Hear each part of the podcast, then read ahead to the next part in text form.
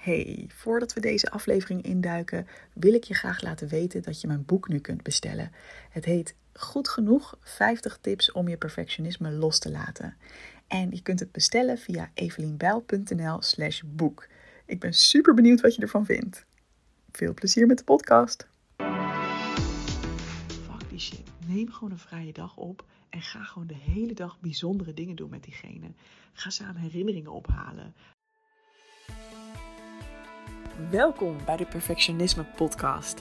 Mijn naam is Evelien Bijl en als ex-perfectionist help ik je graag op weg naar een relaxter en gelukkiger leven door minder streng voor jezelf te zijn. Mijn motto voor jou als je vaak gestrest of onzeker bent: hey, je bent niet gek en je bent niet alleen. Veel luisterplezier.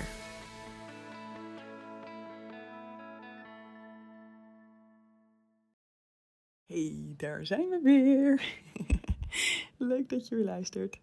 Ik uh, wil graag iets met je delen wat eigenlijk, ja, ik wou zeggen, niet zoveel te maken heeft met perfectionisme. Maar ik denk wel degelijk dat perfectionisme je in de weg kan zitten om dit te gaan doen.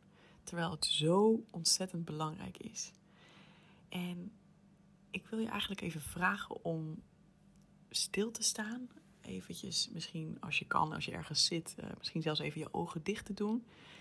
En dan voor jezelf te zien wie voor jou de belangrijkste mensen in je leven zijn. Wie zijn de mensen van wie je het meeste houdt, um, die het meest bijzonder voor je zijn, die het meest voor je betekenen.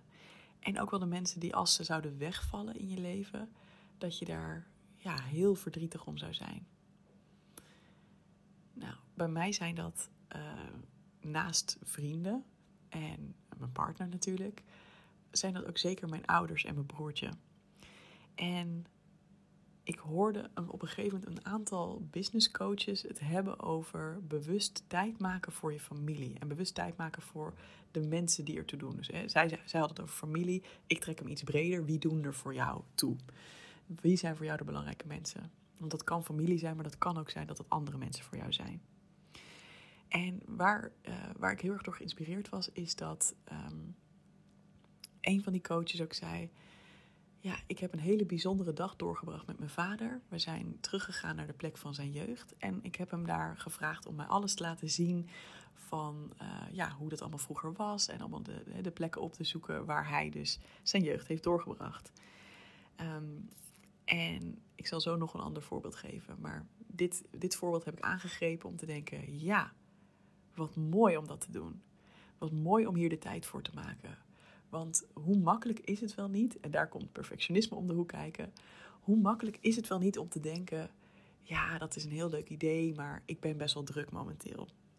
Ja, dat is allemaal een heel leuk idee, maar um, het is nu eventjes heel hectisch. Dus weet je, dat komt misschien wel over een jaar. Of dat komt misschien wel hè, over een paar maanden. En hoe bijzonder om even stil te staan bij het feit dat zeker je ouders, hè, daar denk ik wat vaker over na. Hè, die zijn bij mij nu op een leeftijd dat je denkt, ja, als, uh, als ik heel veel geluk heb, dan zijn ze er zeker nog twintig jaar. maar in wat voor gezondheid? En we weten niet of we geluk hebben. We weten niet. En mijn ouders zijn nu uh, allebei, zeg ik dat goed, rond de 70, 70 plus. Even nadenken hoor. Volgens mij wordt mijn vader dit jaar 70. Is dat zo? Ja, die wordt dit jaar 70. Ja, en mijn moeder is 72, wordt dit jaar 73. Ja, dat is wel een leeftijd waarop je natuurlijk begint na te denken over... hey, hopelijk zijn ons nog heel veel goede jaren gegund, maar je weet niet hoe het gaat zijn. En ik werd geraakt door dat verhaal van die coach en ik dacht, ja, ik wil dit ook. Dus ik ben met mijn vader een dagje op stap geweest naar Herwijnen. Herwijnen is het kleine dorpje waar heel veel van zijn familie vandaan komt.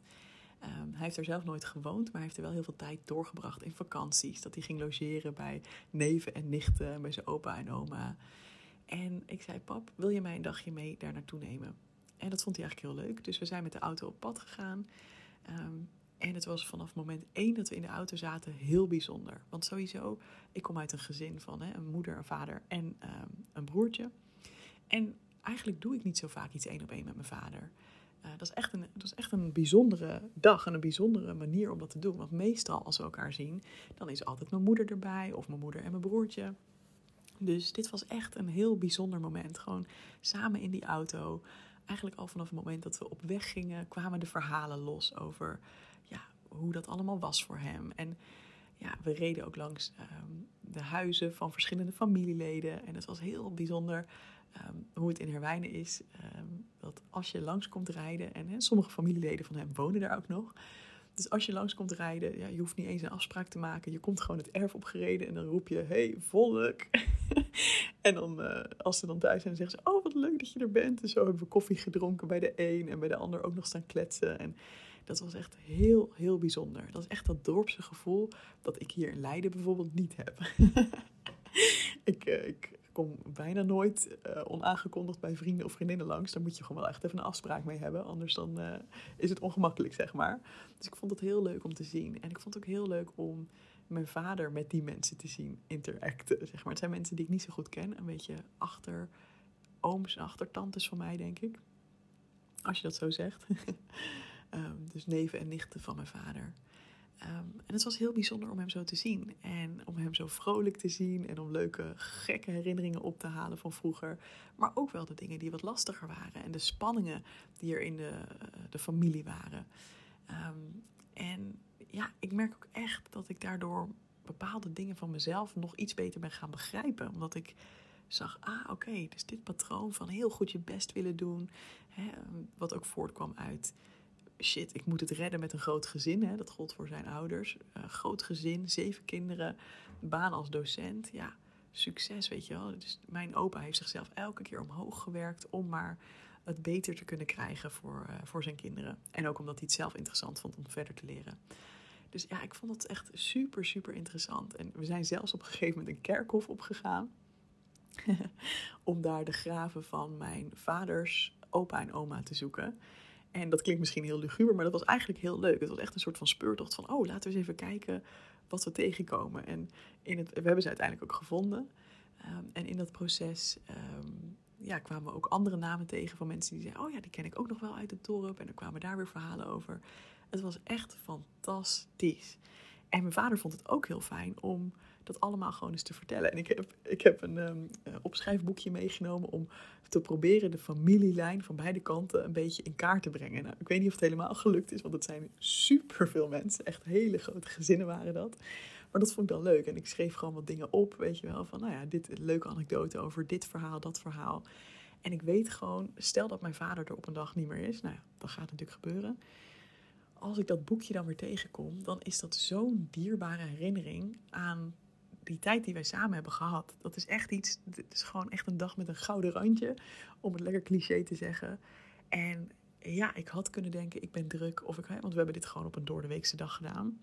En dus misschien ook voor jou, als je ouders nog in leven zijn. Of misschien is dit juist met een vriend of vriendin van jou die je al heel lang niet gezien hebt. Fuck die shit. Neem gewoon een vrije dag op en ga gewoon de hele dag bijzondere dingen doen met diegene. Ga samen herinneringen ophalen. Deel eerst de jeugd van diegene met jou een dagje. En daarna neem jij diegene mee door jouw, um, uh, de plekken van jouw childhood. Noem het? Jeugd, kindertijd. Um, fuck it. Fuck it. Fuck dat je druk bent. Fuck dat er to-do'tjes zijn. Want op een dag kan dit niet meer. En dit geeft je zo'n boost en zoveel energie. Echt, ik kan het je niet vertellen. En eigenlijk is het gek dat ik sindsdien, dat ik het bijvoorbeeld nog niet met mijn moeder heb gedaan. Dat moet ik eigenlijk ook gewoon gaan doen. Dit is alweer een paar jaar terug. Maar wat ik wel bijvoorbeeld uh, op een gegeven moment ook deed, is dat ik sowieso elke zes weken ongeveer met mijn moeder ging lunchen. Dus mijn ouders wonen op ongeveer anderhalf uur met het OV uh, van mij vandaan.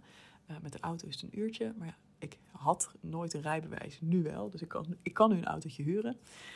Um, maar om dan, hè, dan, wat we dan deden is dat we dan vaak uh, halverwege afspraken. En dan, hè, dan kwam ik met de bus, mijn moeder ook met de bus. En dan gingen we gewoon lekker ergens lunchen en wandelen. En nu het weer mooier weer gaat worden, ga ik dat ook zeker weer vaker doen. Um, ook dit soms gewoon op een doordeweekse dag. En ja, ik snap het, hè, als je gewoon in loondienst bent, dan kun je dat niet elke zes weken misschien doen en daar helemaal vrij voor nemen. Maar wat kan er wel? Wat is hetgeen waarvan je denkt, oh, hoe heerlijk zou dit zijn en hoe kun je daar de ruimte voor maken? En, en dan ook echt even voor dat één op één contact met zo iemand. En niet alleen voor de verplichte verjaardag of voor het verplichte familiebezoek. Maar juist echt even quality time met iemand die belangrijk voor je is. Nou, ik hoop dat ik je daartoe heb aangezet. Ehm, en ja, dat jij gewoon net als ik voelt hoe erg je kunt opladen ook van zo'n dag. Uh, hoe erg je weer kunt voelen van, oh wat fijn, hè? Er, dit is echt iemand van wie ik hou en waar ik tijd mee heb doorgebracht. Ja, wat mij betreft gaat het leven wel ook echt op dit soort momenten. Um, dus hoe mooi, hoe zonde als je het leven eigenlijk aan je voorbij laat gaan door alles wat er moet. En dat je dan niet genoeg stilstaat bij de dingen die je echt vervulling geven. Dus bij deze, let me know als je hier wat mee doet. En ik zou het ook heel lief vinden als je een review achterlaat van deze podcast.